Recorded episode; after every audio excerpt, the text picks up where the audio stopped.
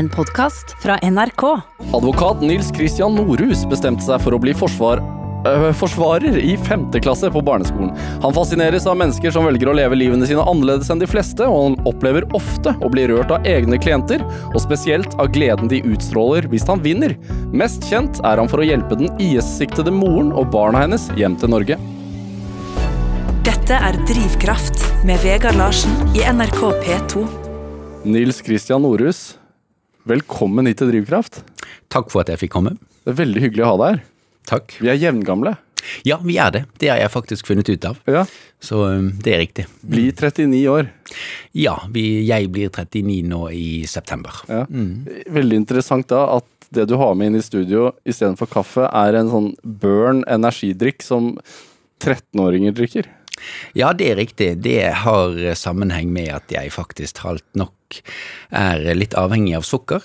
eh, Og det betyr at jeg drikker mye Burn og Coca-Cola, dessverre, eh, gjennom dagen. Så. men, men altså, det, er du selvdiagnosert diagnosert sukkeravhengig, eller altså, hvordan merker du dette av, Ja, det, dette, denne avhengigheten? Nei, altså Det siste stedet jeg går, er jo å gå til legen, eh, så der har jeg ikke vært på mange år. Men, eh, Og jeg føler heller ikke at det er noe behov for å gå dit. Jeg tenker at dette fungerer for meg akkurat nå, og jeg er på en måte mer i, i nået, eh, eller nuet som det heter så pent, enn enn, hva skal jeg si i ja, jeg, jeg har ikke så, noe sånn langt perspektiv, sånn at, sånn at jeg tenker at det fungerer bra i dag. Ja, merker du hvis du ikke får sukkerdosen? Absolutt, særlig om, eh, om morgenen. Altså det jeg trenger om morgenen, f.eks. før jeg skal i retten, eh, det er en eh, boks med cola. Eh, Alternativt på flaske, eh, men det fungerer ikke like bra. For det er også litt med det på en måte det mentale, det psykiske. Eh, Men får jeg det, så fungerer jeg ok. Får jeg ikke det, så får jeg hodepine, migrene, og vil rett og slett fungere veldig, veldig dårlig og gjøre en dårlig jobb for, for klienten. Så jeg er nokså avhengig av det. Nei, så det blir som med kaffe, da. For meg, altså, hvis ikke jeg får min daglige kaffekopp eller masse kaffe, så helst før klokka tolv, så blir jeg muggen. Ja, jeg tror det kan sammenlignes eh, med det, men kanskje er det også enda sterkere. Eh, Og på mange måter så blir jeg misunnelig når jeg ser folk som røyker, f.eks. Og jeg skulle gjerne ha røykt i stedet, men eh, jeg får det ikke til. Simpelthen fordi at jeg hoster hvis jeg skal forsøke å røyke, så da, så da blir det med colaen. Og hvor mye cola er det i løpet av en dag? Og det er nok flere liter. Ja, det er du og Davy Vatne. Ja, han ga vel opp på et tidspunkt. Han var vel også avhengig, men etter det jeg har lest meg frem til, Ja. så har vel han eh, sluttet. Eh, I hvert fall har han gått over til den sukkerfrie varianten. Men hvorfor er det mer stigmatiserende, tror du? Det, altså, Dette her skal ikke handle om sukker og cola, men jeg syns det var så gøy. Ja. Hvorfor er det mer stigmatiserende å starte dagen med en boks cola enn å starte dagen med en kopp kaffe, tror du? Og for meg så begynte nok dette på, allerede på gymnaset. Ja. Da var jeg med i i eh, en form for pressgruppe for å få i stand en colaautomat på eh, Fana gymnas i Bergen. Eh, og det var egentlig der det begynte. Og så var jeg med og på en måte fikk den inn i eh, skolen. Eh, og da ble jeg også maskinens beste kunde. Og siden den gang så har det egentlig bare gått én vei, og det er jo nedover. Hva, hvordan argumenterte du for å få colaautomaten inn i skolen? Nei, jeg argumenterte jo for at det var riktig at elevene måtte få velge selv, i forhold til om de ønsket sukkerholdig drikke, eller om de ønsket bare enkel vann. Eh, Sånn sett i ettertid så tenker jeg jo at det var egentlig en ganske dårlig disponering. Altså, altså, altså av måten du la fram saken? Nei, jeg tenker jo sett i ettertid så skulle jeg gjerne ha klart meg eh, i samfunnet uten Og denne avhengigheten Denne avhengigheten er jo først og fremst en last. Ja. Det er jo ikke noe jeg eh, syns er kult. Nei, nei jeg det er skjønner det. det er, sånn er det jo med avhengighet generelt. Jeg skulle gjerne latt være å drikke kaffe, jeg, eksempel, men det er jo så godt. Og det er samme er cola. Men, men du går ikke til legen? Aldri? Nei, jeg ser ikke noe poeng med det. Eh, Jeg har vel eh, vært der eh, noe, men, men det er Nei, det er sjeldent. Jeg føler på en måte ofte at hvis man er hos legen, så Jeg har vel hatt noen erfaringer der, hvis jeg har hatt noe vondt der, og så har jeg kommet inn til legen, men så får jeg en tendens egentlig alltid til å bare der og da formidle egentlig hvor bra det går.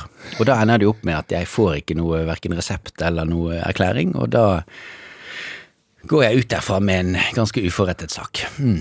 Men, men altså, Norhus, du er jo advokat, du har jo tro på profesjoner.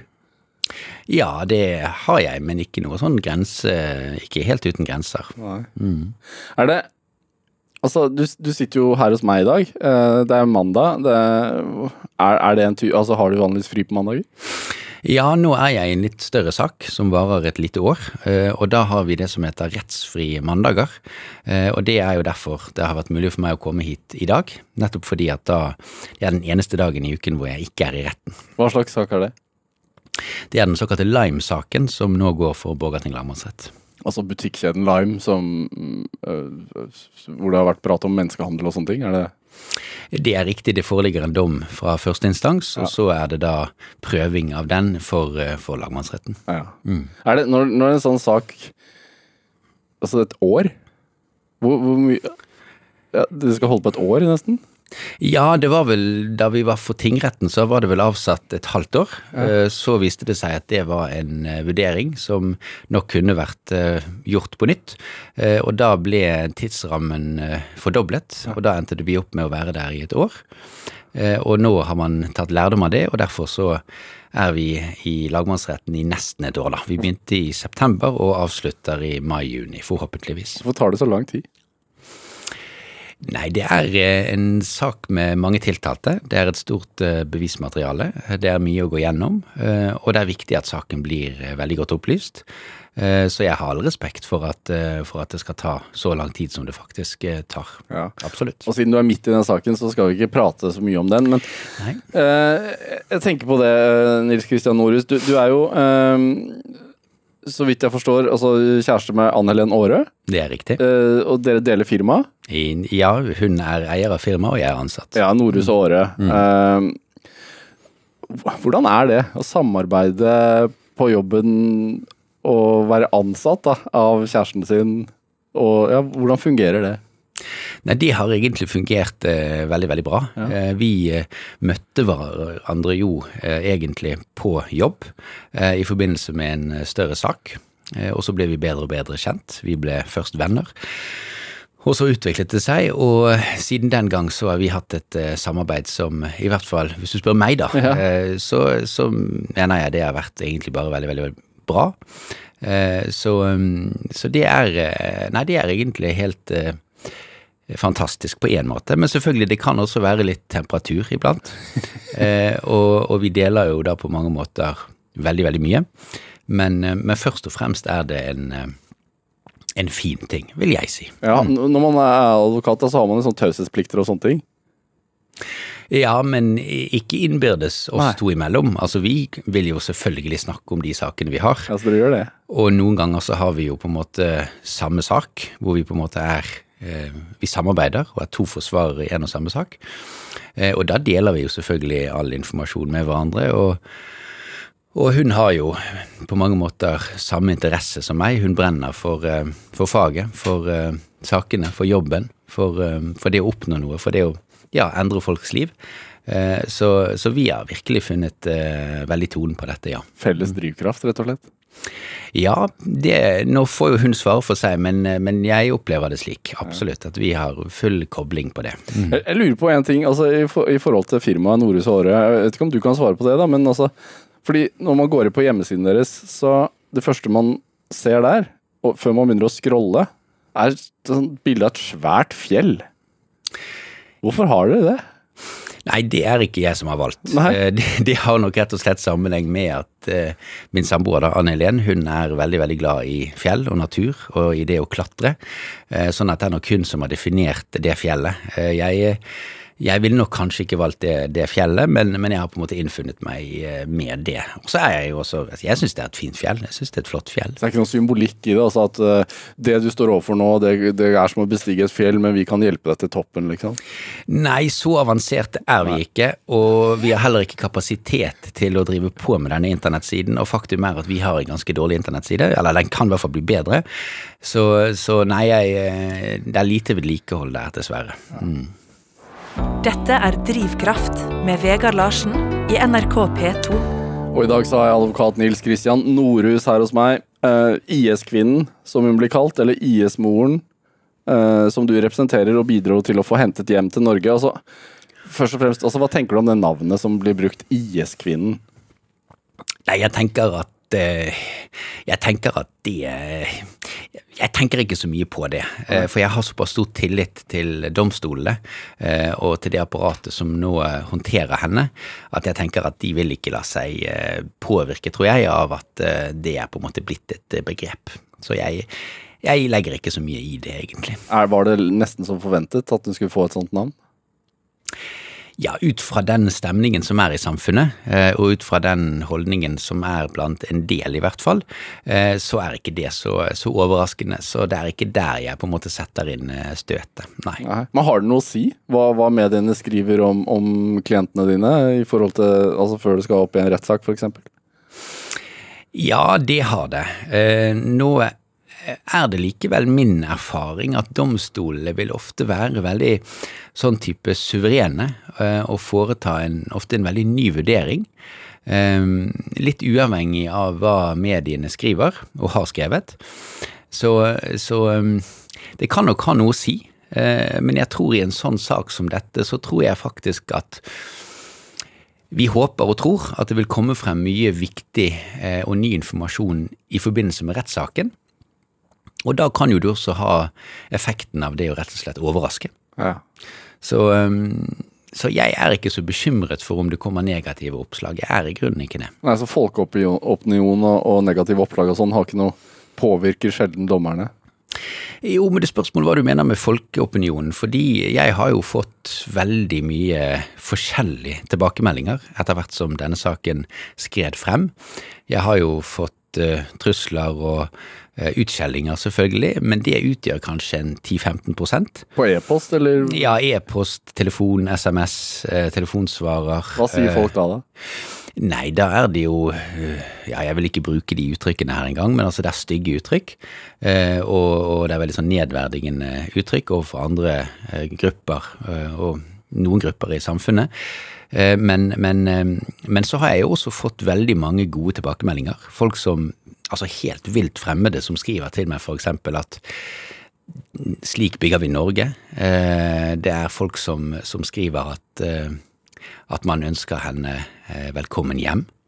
Det er folk som skriver at det er viktig at hun må på en måte ta et oppgjør, og at hun må få på en måte en rettferdig rettssak, men som, som først og fremst tar til orde for at dette var en, var en helt riktig beslutning. Så det er egentlig det som har dominert i, i, de tilbakemeldingene jeg har fått. Så kan man jo spørre seg om de er representative. Det er jo en annen. Ja. Men Betyr det noe for deg å få positive tilbakemeldinger, f.eks.?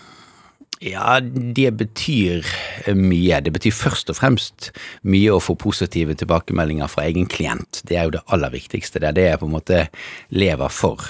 Men, men å få liksom litt sånn, ja, varme eh, tilbakemeldinger fra folk, det er klart at ja, da blir jeg, da blir jeg stolt og føler på en måte at dette har, har vært viktig. Mm. Så det Nei, det, det, betyr mye. Men det kommer som nummer to, da. Etter klienten. Etter klienten. Alt er etter klienten. Mm. altså, det er jo ganske mye koronastøy for tiden, så, så ja. det at denne kvinnen ble hentet hjem til, til, Norge, og at regjeringen, eller Frp gikk ut av regjeringen og sånne ting, det, det oppleves jo nå nesten som en mannsalder siden. Ja. Men når altså, Ta oss tilbake. Når var første gang hun eller et familiemedlem tok kontakt med deg?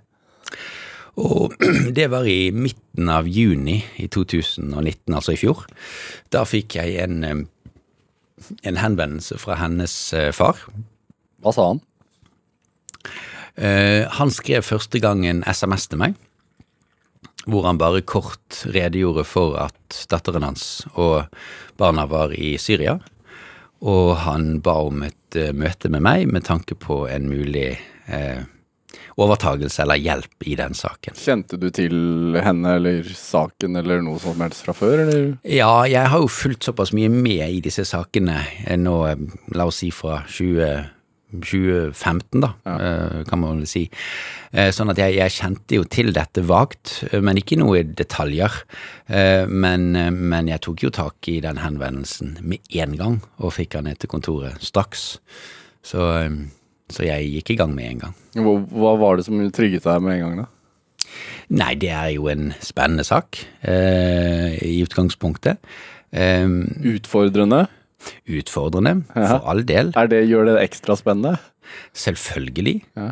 Eh, og dette feltet, altså man kan si eh, IS eller ISIL eller terrorfeltet om du vil, er jo et område som har engasjert meg veldig mye. Hvorfor det? Eh, fordi at det har egentlig vært en prosess. Jeg begynte helt på scratch da jeg fikk den første terrorsaken eh, jeg hadde. Det var vel da rundt 2015. Eh, da begynte jeg helt på bånn, og visste egentlig veldig lite eller ingenting. Både om, om ISIL og om Nusra. Og gjennom selv den første saken, men også senere saker, så har jeg lært ufattelig mye. Undersøkt veldig mye. Brukt masse sakkyndige. Eh, på en måte forsket selv og funnet ut av ting som har vært viktige. Eh, og som faktisk tror jeg har vært avgjørende for utfallet, i hvert fall i, i en av de rettssakene som jeg har vært i, terror, eh, i terrorkomplekset. Hva, hva slags sak var det i 2015, da? Nei, den første terrorsaken jeg hadde, det var denne eh, faren eh, som eh, var da i midten av 40-årene, og som eh, hadde gjort det stunt at han dro fra Norge til Syria, eh, og havnet da i ISIL, eller IS om man vil, eh, høsten 2014, altså rett etter at eh, Abu Bakar al-Baghdadi hadde erklært kalifatet eh, i juni eh, samme år. Um, og um, da var det et spørsmål uh, om uh, han skulle straffes uh, for, sin, for sin virksomhet der nede. Og da ble jo han tiltalt for to ting. Det ene det var å ha deltatt i en terrororganisasjon, og det andre det var å ha inngått forbund med terrororganisasjonen ISIL. Og da ble han etter hvert frikjent for det siste, og så ble han domfelt for det første. Mm. Det Den saken lærte meg utrolig mye. Mm. Som for eksempel? Den lærte meg egentlig faktisk eh, betydningen av å bruke sakkyndighet veldig aktivt. Betydningen av eh, faktisk å eh, så tvil om, i hvert fall reise spørsmålstegn ved, eller undersøke om påstander som blir fremsatt er korrekte. Den lærte meg betydningen av det å faktisk undersøke ting selv, og ikke bare uten videre legge til grunn det som staten sier. Eh, og den lærte meg også det å egentlig ikke gi opp, da, fordi vi fikk jo ganske mye juling i første instans. Eh, og da var kanskje strategien også ganske gæren. Eh, så den lærte meg jo også på mange måter å ja, endre, endre strategien eh, og sette inn støtet der som det var mer riktig, da. Men nå, nå, skal jo det sies, det var jo 2014, sånn at hvis jeg ikke på en måte hadde lært noe før det, så er jo det et dårlig tegn. Men, men, men den, den, den, var veldig fin. Det var en utrolig morsom og spennende sak. Men ta, å bruke sakkyndighet, hva mener du med det? Jo, det betyr f.eks. at i en del rettssaker, enten det er voldssaker eller det er terrorsaker eller hva det måtte være, så vil det ofte oppstå spørsmål f.eks. av medisinskfaglig karakter, av samfunnsvitenskapelig karakter eller av rettsmedisinsk karakter f.eks. Og da er det veldig viktig at ikke advokaten går inn og synser og mener. Og det er noe som vi kan komme i skade for å gjøre i rettssaker. Og det vil jeg advare mot. Jeg tror at da er det viktig å trekke inn de som faktisk kan noe om det.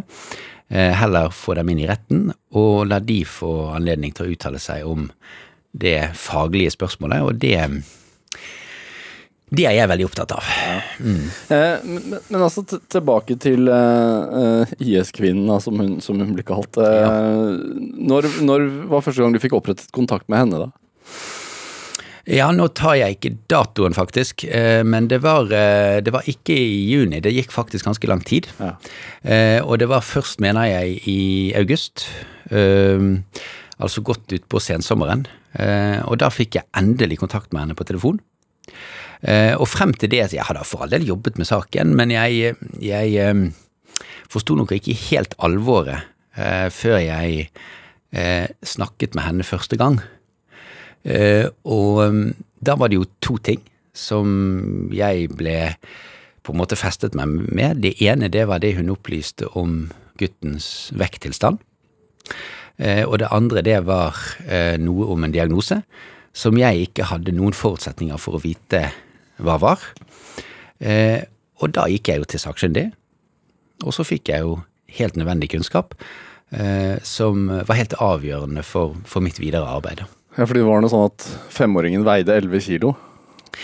Ja, det var ulike vekttilstander, Ja. men eh, vi snakker størrelsesorden da, og det ble jo dokumentert, og alt ble jo dokumentert, 11-12 kilo. Og, og, um, og så er jo ikke jeg, altså dette med barn er jo på en måte ikke min styrke.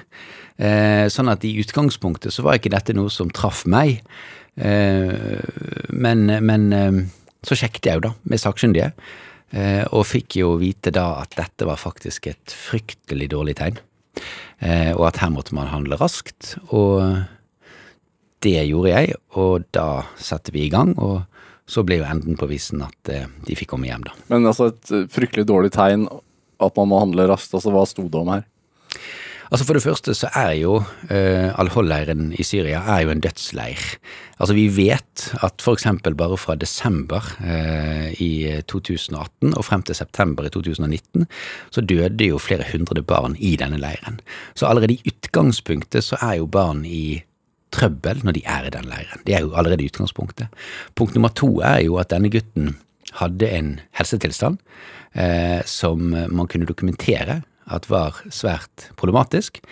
Eh, og summen av disse forholdene, og også punkt nummer tre, de elendige humanitære forholdene i leiren, og punkt nummer fire, at man ikke kunne tilby gutten en adekvat diagnostisering og behandling der og da, gjorde jo at det utvilsomt var riktig, helt uavhengig av hva man måtte mene om mor, å faktisk eh, hente ham eh, hjem.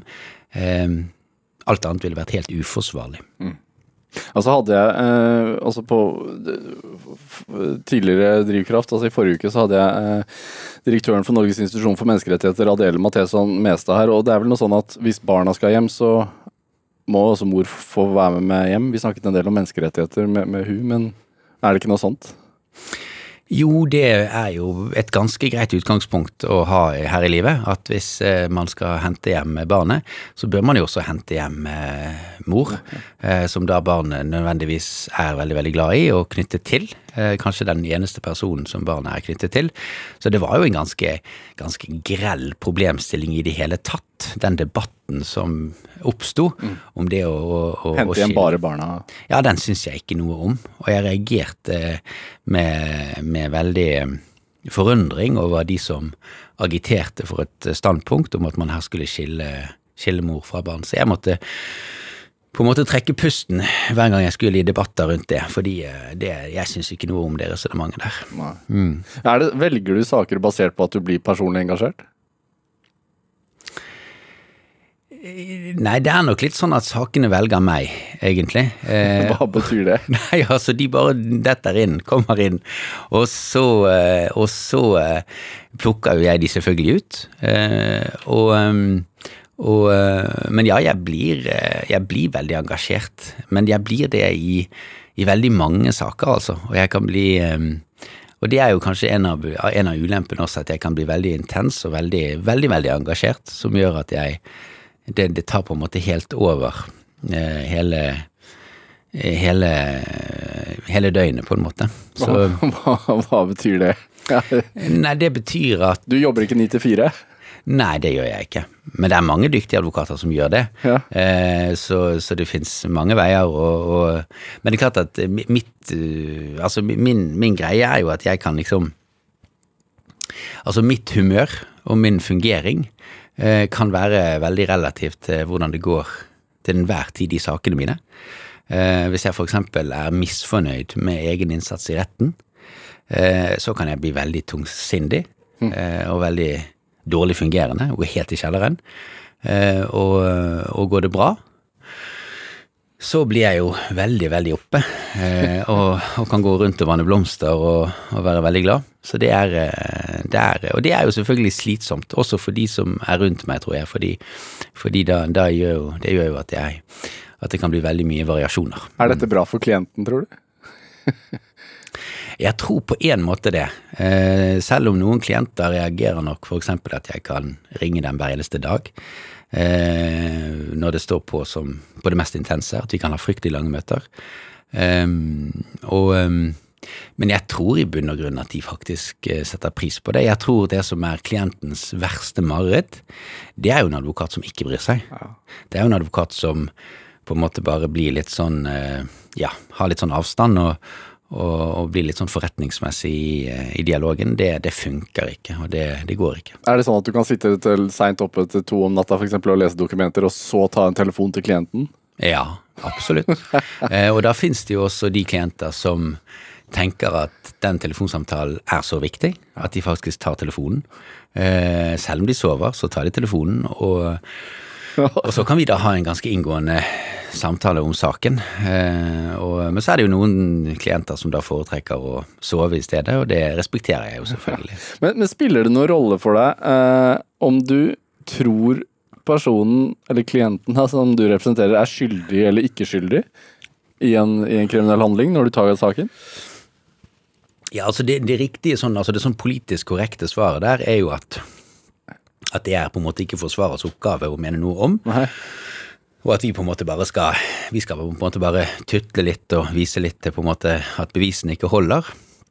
Men min egen erfaring er nok faktisk den eh, at eh, Altså, jeg, jeg kunne nok aldri vært selger.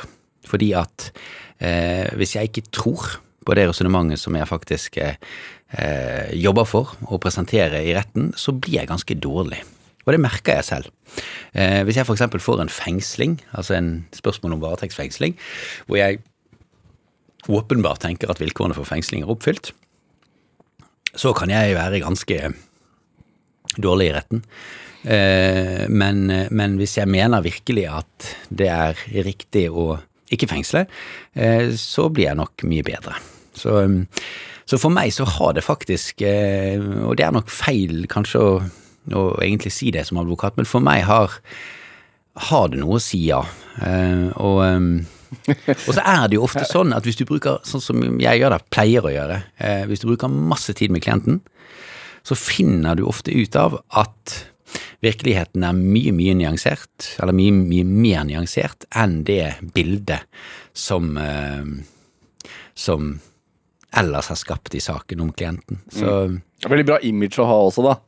Her kommer Norhus, og han har tatt denne klienten, og han tar bare uskyldige. Så det Nei, altså, det, er, det, det handler jo ikke om det. For du vet eh, Ja, men det, og, og da vil jeg også nyansere litt. Fordi eh, dette handler jo også om min oppfatning av om beviskravet er oppfylt.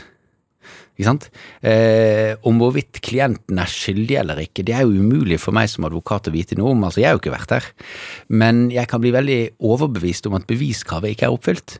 Og, og blir jeg veldig overbevist om det, eh, så, så, blir jeg veldig engasjert, og da er det mye, mye gøyere å prosedere enn om du tenker at her er det et fjell av bevis, og det er egentlig veldig tungt. Det blir eh, det er en forskjell. Mm. Altså, Veldig lenge så virket det som en eh, komplett umulighet å få, å få, henne og andre norske kvinner og barn tilknytta IS hjem til landet. Hva, altså, Når skjønte du at det var en mulighet å få det til? Nei, det, det, er vanskelig å si. Jeg, jeg, skjønte det egentlig ikke helt før uh, eh, UD ringte meg uh, og ba meg komme til et uh, møte. Mm. Da forsto jeg at noe veldig viktig og stort var i ferd med å skje. før det så var jeg egentlig bare i jobbemodus. og torde egentlig ikke tenke tanken om at dette var mulig. Altså, jeg, jeg, hadde på en måte bare fokus på mål, oppdrag og ja, så jeg Det var, når, det var da de ringte. Mm. Hva er ståa i dag, da? Nei, nå er jo ståa at uh, hun er forsvarlig håndtert. Hun er jo i varetektsfengsel her i Norge. Uh, hun uh, samarbeider jo med PST. Hun bidrar opp mot etterforskningen. barna er tatt hånd om. Eh, og forsvarlig ivaretatt. Eh, og eh, Så dette er jo en situasjon som vi håndterer, og som vi vil håndtere, og som egentlig bare er veldig bra for Norge. Mm. Hvordan har hun det? Nei, hun, hun, er jo selvfølgelig Lenge var jo hun lettet over eh, å ha eh, kommet hjem, og at eh, barnas liv og fremtid er blitt reddet. Um, så er jo hun nå inne i en vanskelig prosess, som er veldig krevende for henne, av flere grunner. Eh, men eh, hun har dette forholdet ok. Forstår du at enkelte reagerer på hjemhentelsen? Nei, altså jeg syns det er i grunnen ganske vanskelig å helt ha veldig stor forståelse for det. Eh, I hvert fall hvis man setter seg inn i bildet. Altså dette dreier seg jo om uh, uansett norske borgere som er uh, norsk ansvar. Det er, det er, Norge som bør ta ansvar for norske borgere som eh, er anklaget for noe gærent i, i, utlandet, i hvert fall når utlandet ikke vil ha dem, eh, slik som i disse sakene. Så det er jo det ene. Det andre er jo at dette er borgere, tror jeg, som vi er ufattelig godt i stand til å håndtere. Altså, vi har en etterretningstjeneste, PST, eh, som består av veldig, veldig mange profesjonelle etterforskere, og som virkelig er utrolig dyktige i det faget de holder på med. Eh, dette er jo også borgere som, uavhengig av om de vil bli domfelt eller frikjent eller hva som blir utgangen, så er jo også dette borgere som kommer til å bli fulgt veldig godt med på i årene som kommer. Eh, så jeg, jeg eh, Og så er jo også Det er jo et prinsipp, da, at man er uskyldig inntil det motsatte er bevist. Og IS-kvinne, sier man, men ja, men se an og hør rettssaken først. Mm. Eh, se an resultatet der. Jeg, jeg, tror at når historien skal skrives, så tror jeg at man vil nok neppe, tror jeg, kritisere regjeringen for faktisk å ha handlet i denne sak. Jeg tror at historien heller vil stille spørsmålstegn ved om det var riktig å la være eh, å hente de resterende, eventuelt, hvis det blir utfallet. Nå tror jeg at det blir hentet, men mm. Når historien skal skrives, kommer du til å se tilbake på det også og tenke at uansett domfellelse eller ei, at du eh, i hvert fall var med å bidra til å kanskje redde tre menneskeliv? Ja, det, det, må jeg bare være helt ærlig og si. Det er jo det største jeg har opplevd. Fordi at dette var en situasjon hvor det var faktisk, særlig for den ene gutten, eh, så sto det om liv. Eh, og det er klart at det, det, har vært utrolig viktig for meg, og har vært med på å forandre meg. Og ja, det er bare det er rett og slett eh, Ja, det, er, det har vært veldig, veldig stort. Hvordan har det forandret deg? Nei, det har vært en påminnelse om faktisk hva som er viktig eh, her i livet for meg, da. Eh, og det er jo å manøvrere etter å komme i en posisjon til faktisk å kunne være så viktig for eh, andre mennesker. Eh, og det dreier seg ikke om en sånn form for sånn det dreier seg ikke om en sånn form for sånn uegennyttig idealisme. I bunn og grunn så handler dette egentlig om egoisme, for min del. Fordi, fordi, eh, fordi det, å, det å faktisk være så viktig for andre mennesker, det handler rett og slett om at jeg får en personlig gevinst i form av at det gir meg en ekstremt god følelse eh, innvendig, eh, og det er, det er rikdom for meg. Dette er Drivkraft med Vegard Larsen i NRK P2. Og i dag så har jeg forsvarsadvokat Nils Kristian Norhus her hos meg. Onkelen din var den kjente advokaten Alf Nordhus? Ja. Uh, I hvert fall én av dem. Mm. Ja. Jeg har jo hatt flere onkler òg. Ja, en av onklene dine. Uh, men Var de andre kjente forsvarsadvokater også? Nei, de var ikke det. De, de var nok ikke det. Mm. men, men altså, fordi storebroren din er advokat. Ja. Lillebroren din er jusstipendiat. Mm. Er dette på grunn av onkel? Jeg tror nok uh, Jeg tror nok at det har en sammenheng, ja. ja det har det. Hvordan da? Nei, altså, vi, eh, vi Jeg tror jeg nok snakker på vegne av alle tre brødrene. eh, hvis jeg sier at eh, hans posisjon Eh, har hatt stor innflytelse på oss alle i forhold til valget eh, om å, å, bli jurist. Da. Så, eh, så, jeg tror nok at det at det har vært veldig viktig, ja. ja for han var jo en ruvende skikkelse, og, og på et tidspunkt kanskje Norges mest kjente forsvarsadvokat. Ja, nå er jo jeg født i 81, like gammel som deg. Ja. Eh, sånn at jeg husker jo bare på en måte Jeg husker skjegget hans. Ja, du husker skjegget hans. ja da, og, og det, det, kan du si. Eh, og, og, jeg husker eh, Husker også andre ting, men, men Nei da, han, han, var jo en Han var en veldig kraft. Og jeg husker jo på en måte at det ble veldig sånn spesielt. Altså, jeg har jo Jeg kan jo ikke skryte på meg at jeg har truffet han mange ganger, jeg har bare truffet han noen få, få ganger. Eh, men de gangene jeg har truffet ham, de husker jeg ganske i detalj. Eh, og det sier nok litt om eh, hvilken betydning eh, det har hatt for meg, i hvert fall. Hvordan, hvordan var det? da? Var det som om altså, siden, siden du husker det i detalj, tenker jeg på. Nei, jeg husker jo Jeg husker nok stemningen hjemme. Eh, I forbindelse med at vi ble varslet om At onkel kom på besøk. korrekt, eh, og skulle komme hjem til oss. Ja. Eh, så jeg husker jo det var en litt sånn spesiell stemning. Og så husker jeg jo selvfølgelig de få møtene jeg hadde med ham. Og, og jeg fulgte jo allerede den gang veldig med i pressen.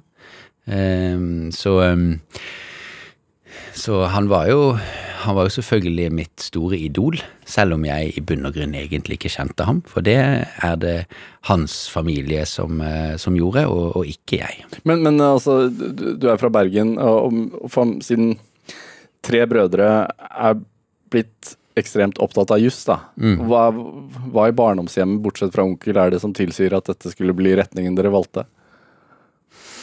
Nei, i grunnen ingenting. Fordi, eh, fordi min mor, eh, hun eh, er jo psykolog, professor i psykologi, og, og, og øvrig så, så er det jo ikke noe særlig. Sånn at det, det er Det er Nei, det var nok i grunnen det. Men det kan nok ha vært også andre faktorer som har spilt inn. Men som du innledet med, så er det jo riktig. Jeg har i hvert fall sagt Det er mulig at det er et falskt minne, det skjer jo. Men jeg mener jo i hvert fall å huske at jeg bestemte meg allerede i femte klasse på barneskolen. Det kan være et falskt minne, men det er i hvert fall det som er mitt minne. Eh, Og da bestemte jeg meg for at jeg ville bli forsvarsadvokat. Hvorfor det? Nei, det blir Jeg husker faktisk alt ikke. Var det urett i skolegården, liksom, eller hva var det? Nei, det var det nok ikke. Selv om det hendte faktisk allerede som, allerede som skoleelev, så begynte jeg å ta litt klienter. Eh, ja da. Ja jeg husker faktisk. Hvordan da? Nei, jeg husker, eh, jeg husker jo at jeg på en måte kunne representere eh, enkelte som var kommet i trøbbel eh, opp mot eh, lærerne, og kunne på en måte argumentere for deres sak. Eh, og allerede også som jusstudent, faktisk. Eh, så husker jeg at jeg satt, eh, var med en, eh, en venn av meg den gang, eh, i avhør. Så, eh, så jeg begynte egentlig ganske, ganske tidlig. Men du var, du var god til å prate da, ganske tidlig. Ja, det må man jo være. Ja. Eh, og det handler jo ikke om på en måte å Igjen, jeg er en elendig selger, for jeg kan Jeg er veldig dårlig til å selge standpunkter som jeg ikke tror på. Men, men, eh, men med all respekt for selgere, de selger jo selvfølgelig også ting som er bra, men, men det er en litt sånn dårlig klang.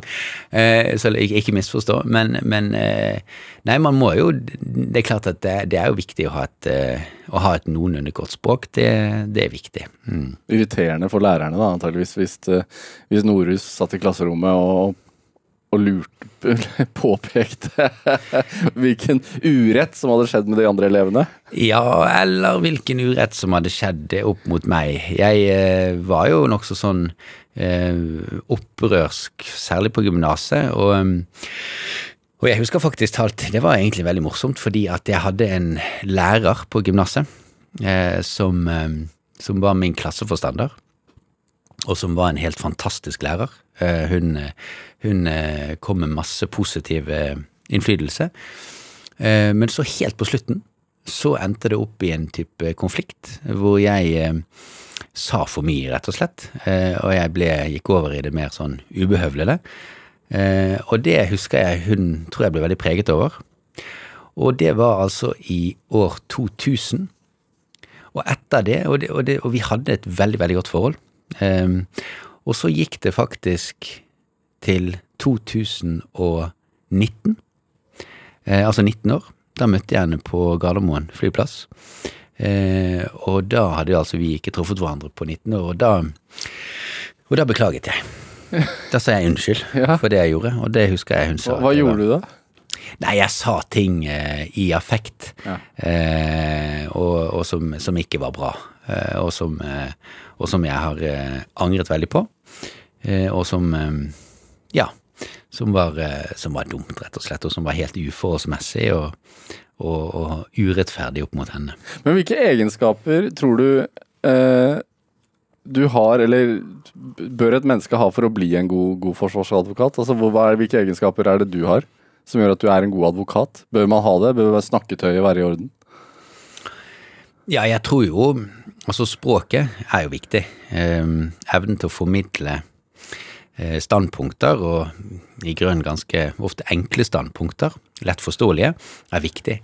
Eh, det å kunne snakke uten manus, det å kunne se folk og dommerne i øya, eh, og virkelig tro på det du mener, er viktig. Men det å være engasjert er også viktig. Det å ha troverdighet er viktig, og derfor er det jo så ille når advokater rammes selvfølgelig av anklager om straffbare forhold eller kritikkverdige forhold, fordi det påvirker dommernes oppfatning av oss i rettssalen, eh, og det kan igjen eh, få negativ betydning for klienten. Så, så, men så er det jo det å stå på, ikke gi opp. Noen ganger så må man jo også være forsiktig. Eh, så det er jo en sum av en hel masse egenskaper, men og så finnes det jo veldig, veldig ulike måter å gjøre det på også. Så du har jo de advokatene som er veldig på, veldig, tar veldig mye plass i rettssalen, og så har du de som er mer forsiktige, men som også kan oppnå veldig gode resultater allikevel. Så, Hvilken type er du, da? Det er Det kan også variere litt, faktisk. Eh, det, det, jeg blir også påvirket, men det jeg, det jeg først og fremst er, er, opptatt av, og som jeg kanskje Jeg har lært masse, blant annet av terror, altså denne eh, saken som kanskje nå er aller mest kjent. Eh, men det jeg forsøker på hver eneste dag jeg er i rettssal, det er å være opptatt av rollebevissthet. Eh, og for noen ganger så kan man nok som advokat, særlig i saker som involverer mange eller flere tiltalte, så kan man komme i skade for å la seg lett rive med. hvordan, på hvordan, hvordan da? Nei, altså la seg rive med av ting som skjer i retten. Eh, og sånn sett miste fokus på hvorfor man er der. Fordi grunnen til at jeg er i en rettssal, er jo fordi at jeg er klientens eh, leiesoldat. I betydningen jeg skal jeg er der, og opp, min oppgave er å ivareta hans eller hennes interesser, og bare det. Ingen, ingen annen grunn. Men er det en teaterscene? Noen vil nok si det, men, eh, men, jeg tenker at det blir nok feil eh, å si det, rett og slett fordi at eh, mange av de spørsmålene som, som behandles i rettssal, er altfor alvorlige til å egentlig å karakterisere det som, som teater, simpelthen fordi at det er blodig alvor og virkelighet. Eh, og fordi det gjelder, så kan det være mm, forskjell mellom å få et noenlunde ok liv og et liv som ender i ruiner og katastrofe. Så Det er viktig å ha i bakhodet. Ja, det er, jeg forsøker alltid å ha det. Eh, og det er derfor jeg kan bli veldig sånn preget også. Jeg, eh, jeg, noe av det verste er jo å ringe en klient etter det har kommet en domfellelse eller en dom som har endt med det kan være en domfellelse, eller det kan være fengsel, heller en samfunnsstraff f.eks., å ringe klienten og formidle det tunge resultatet. Det syns jeg ofte er veldig, veldig tungt. Mm. For da har man feilet selv? Man har ikke nødvendigvis det, og det blir også feil fordi at, uh, fordi at uh, det, det, blir nok gærent, men det er klart at hvis, hvis det har vært et, et håp om å oppnå et, et, annet resultat enn det som ble resultatet, så, så, har jo man i hvert fall ikke lyktes, da. Men det behøver jo ikke bety at man som advokat har gjort noe gærent eller gjort en for dårlig jobb. Det, det, det, det blir å være altfor slem mot advokater, og meg selv inklusive. Det, går ikke. Altså, du sa det at um at det er viktig at man uh, altså Det var ikke dine ord, men at man har et godt rykte, eller at, at, uh, at, man ikke har noen saker på seg eller har blitt dømt selv og sånne ting mm. når man står i retten som forsvarsadvokat. Mm. hvordan opplevde du da altså Det er jo blitt allment kjent, og du har pratet om det også, at faren din ble dømt til fengsel for svindel i 2017. Mm. Der du også var koblet opp. Mm. Hvordan opplevde du det i retten? Nei, dette dette begynte jo for meg allerede i overgangen 2009-2010. Eh, og da begynte det jo med at eh, jeg Det begynte egentlig med meg, fordi at jeg var den som Jeg ble jo kontaktet av en journalist i en bergensavis. Eh, og påstanden var at jeg hadde tatt ut flere millioner kroner fra en konto, som var et såkalt ulovlig, et ulovlig uttak. Og, og da, ble, da hadde jeg vært med i en TV-serie på en TV-kanal. Eh, Forsvarsadvokat. korrekt. Ja. Korrekt. Sånn at da valgte jo denne avisen å identifisere meg fullt ut. Fordi de mente at jeg allerede da var en offentlig person, og da, det var på et tidspunkt hvor jeg hadde litt manglende erfaring knyttet til det. Sånn at jeg, jeg tok ikke til motmæle mot identifiseringen. Eh, så det endte jo opp med at jeg fikk bilde og navn i avisen. Eh, under henvisning til at jeg da var anmeldt for et, et uh, ulovlig uttak. Em, da måtte jo jeg bruke masse tid og krefter på eh, å innhente dokumentasjon på at det faktisk ikke var jeg som hadde tatt ut disse pengene, eh, og at eh, signaturene var falske. Men selvfølgelig, da det kom første gang, så var jo det selvfølgelig egnet til å ødelegge advokatkarrieren. Og, em, og så tror jeg nok at den gangen så var jeg kanskje ikke så bevisst på hvor farlig egentlig det var. Eh, sånn at min nai naivisme den gang kan også ha vært med å redde, redde meg, egentlig, fordi at jeg tenkte ja, ja, det er Bergen, vi holder det der, og så konsentrerer jeg meg om Oslo. Og det var jo det, også det jeg gjorde. Men, eh, men det er klart at for meg var det jo selvfølgelig veldig viktig å få en endret status, som det heter, fra det å være anklaget til det å faktisk bli fornær, såkalt fornærmet eller offer i, eh, i den eh, saken. Det var jo selvfølgelig viktig, og det er, har jo betydning også selvfølgelig for, for troverdighet. Men du, du sliter med nedbetalingen av den- den gjelden ennå, av hva faren din gjorde? Ja, det er riktig. Jeg har uh, Så selv om du ble fornærmet, så sitter Ja. du igjen med svarteper, holdt jeg på å si? Det er riktig, og sånn er det jo. Uh, og Hvorfor Hvorfor er det sånn? Ja, hvorfor er det sånn? Eh, Det, det er jo også gjeld som jeg jobber med for å forsøke å få bukt med.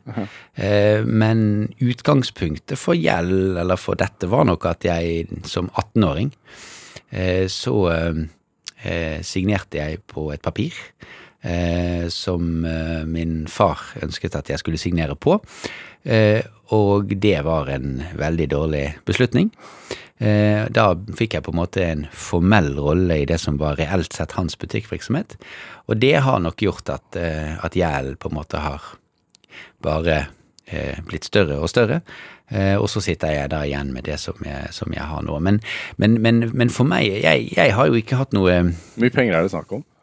Nei, jeg tror eh, status per nå er ca. 10 millioner kroner. Ja. Uh, og jeg jobber jo med det, men, men jeg har jo ikke ønsket egentlig å lage noe stort nummer ut av dette, fordi, fordi først og fremst så har jo jeg det veldig, veldig bra.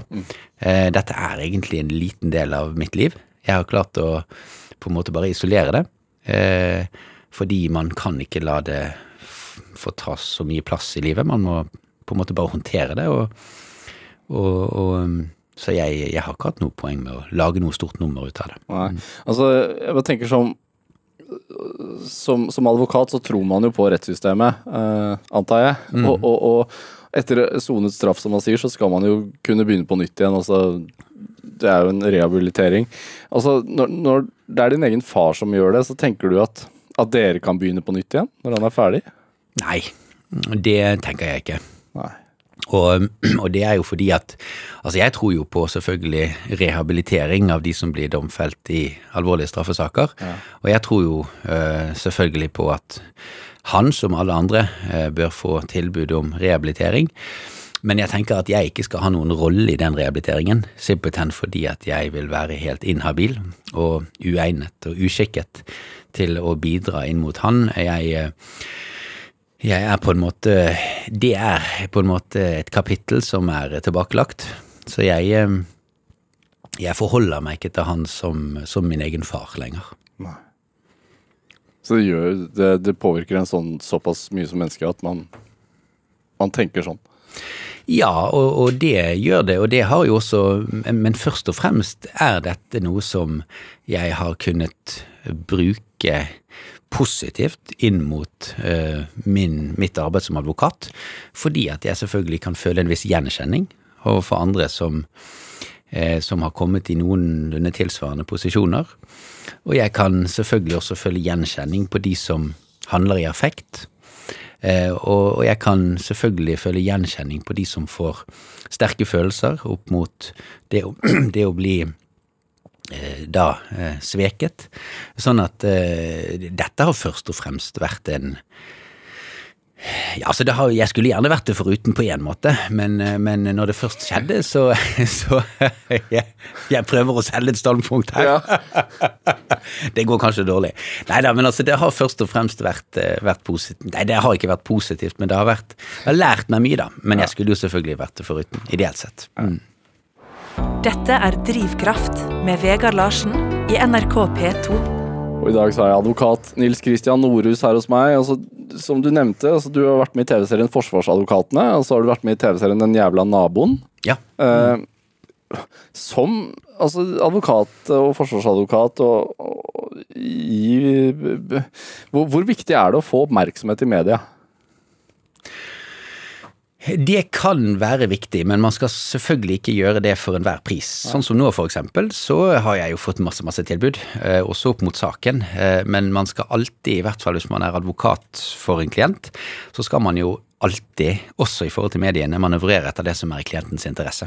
Men er det sånn øh, Man er litt avhengig av det fordi oppmerksomhet er en god ting for å få flere klienter, og så må man ikke være der for mye, og så er det hele tiden Jeg tror ikke at jeg får klienter pga. pressen. Nei. Eh, Min erfaring er at jeg har fått klienter når jeg har gjort et godt arbeid for én klient, eh, og så vil vedkommende klient da si det videre til en annen potensiell klient, eh, og så kommer, og så kommer det nye saker. Så, sånn, at, sånn at det Men det er klart at pressen var jo, var jo viktig for meg i i arbeidet for, for eh, fireåringen eh, og for min klient, eh, for å få dem hjem, så var jo selvfølgelig pressen viktig. Det, det er det ikke tvil om. Det er et spill. Nei, det er ikke et spill. Det var egentlig bare å kommunisere det som var bare rene fakta. Eh, og, og, og det å formidle enkle, forståelige standpunkter. Eh, og, men det er klart at da er jo selvfølgelig en Var jo pressen en, en viktig kommunikasjonskanal når, på en måte, når det på en måte var såpass fastlåst som det lenge var, da. Men det er jo liksom Det er blitt skrevet og laget videoer blant annet om skjegget ditt. Altså, det, vel- det har jo ingenting med det du driver med å gjøre. Hva, hva tenker du om sånne ting?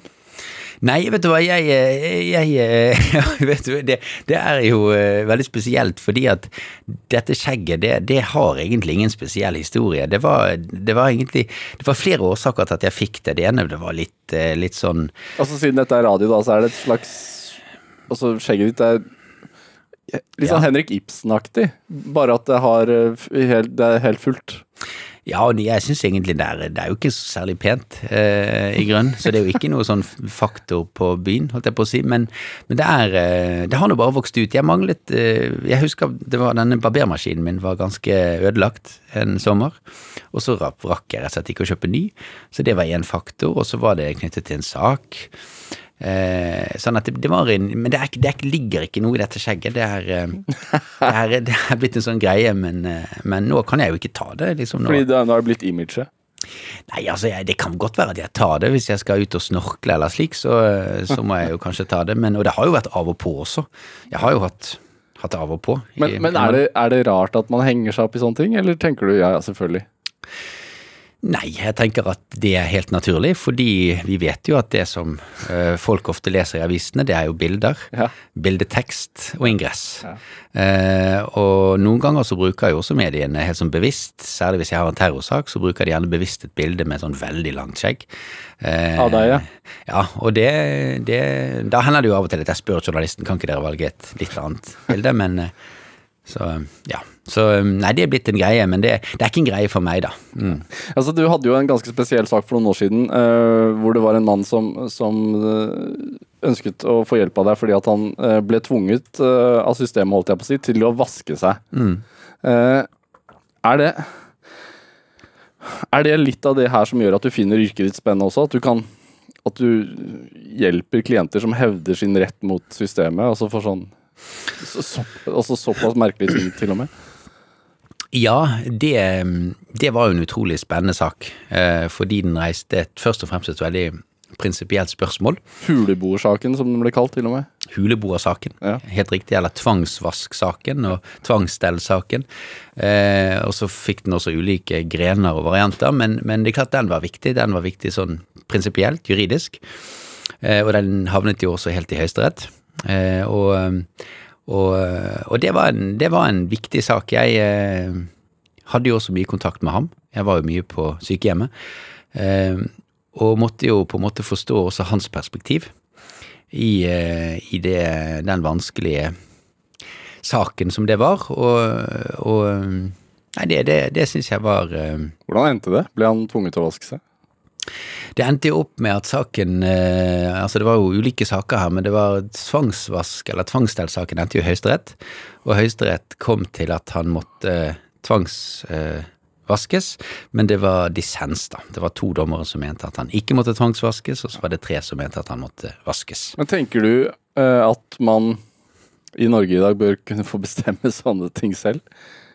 Ja, det mener jeg. Ja. Nå var jo nyansen her at det var på en måte hensynet til andre ansatte og andre innsatte, eller ikke innsatte, men altså andre beboere, eh, som, som på en måte var motvekten her. Eh, sånn at eh, Jeg har jo respekt for deres perspektiv eh, også. Men, eh, men mitt utgangspunkt er at eh, hvis man vil gå til grunne, eller hvis man vil eh, ja, hvis man ikke ønsker den hjelp eller de tilbud som eh, samfunnet kan komme med, så mener jeg at det er en rett man må få gjøre gjeldende. Det er i hvert fall mitt syn. Ja. Mm. Eh, Nils Kristian Norhus, det var faktisk det vi rakk på en time. Ja, det gikk veldig fort. Tusen takk for at du kom hit. Mm. Tusen takk for at jeg fikk komme hit. Hør flere samtaler i Drivkraft i NRK Radio på nett og app, eller last oss ned i din podkast-app. Produsent i dag var Kjartan Aarsand. Jeg heter Vega Larsen. Eh, Linn Bølstad bidro også sterkt til dette programmet. Dette var dagens Drivkraft. Du har hørt en podkast fra NRK. Hør flere podkaster og din NRK-kanal i appen NRK Radio.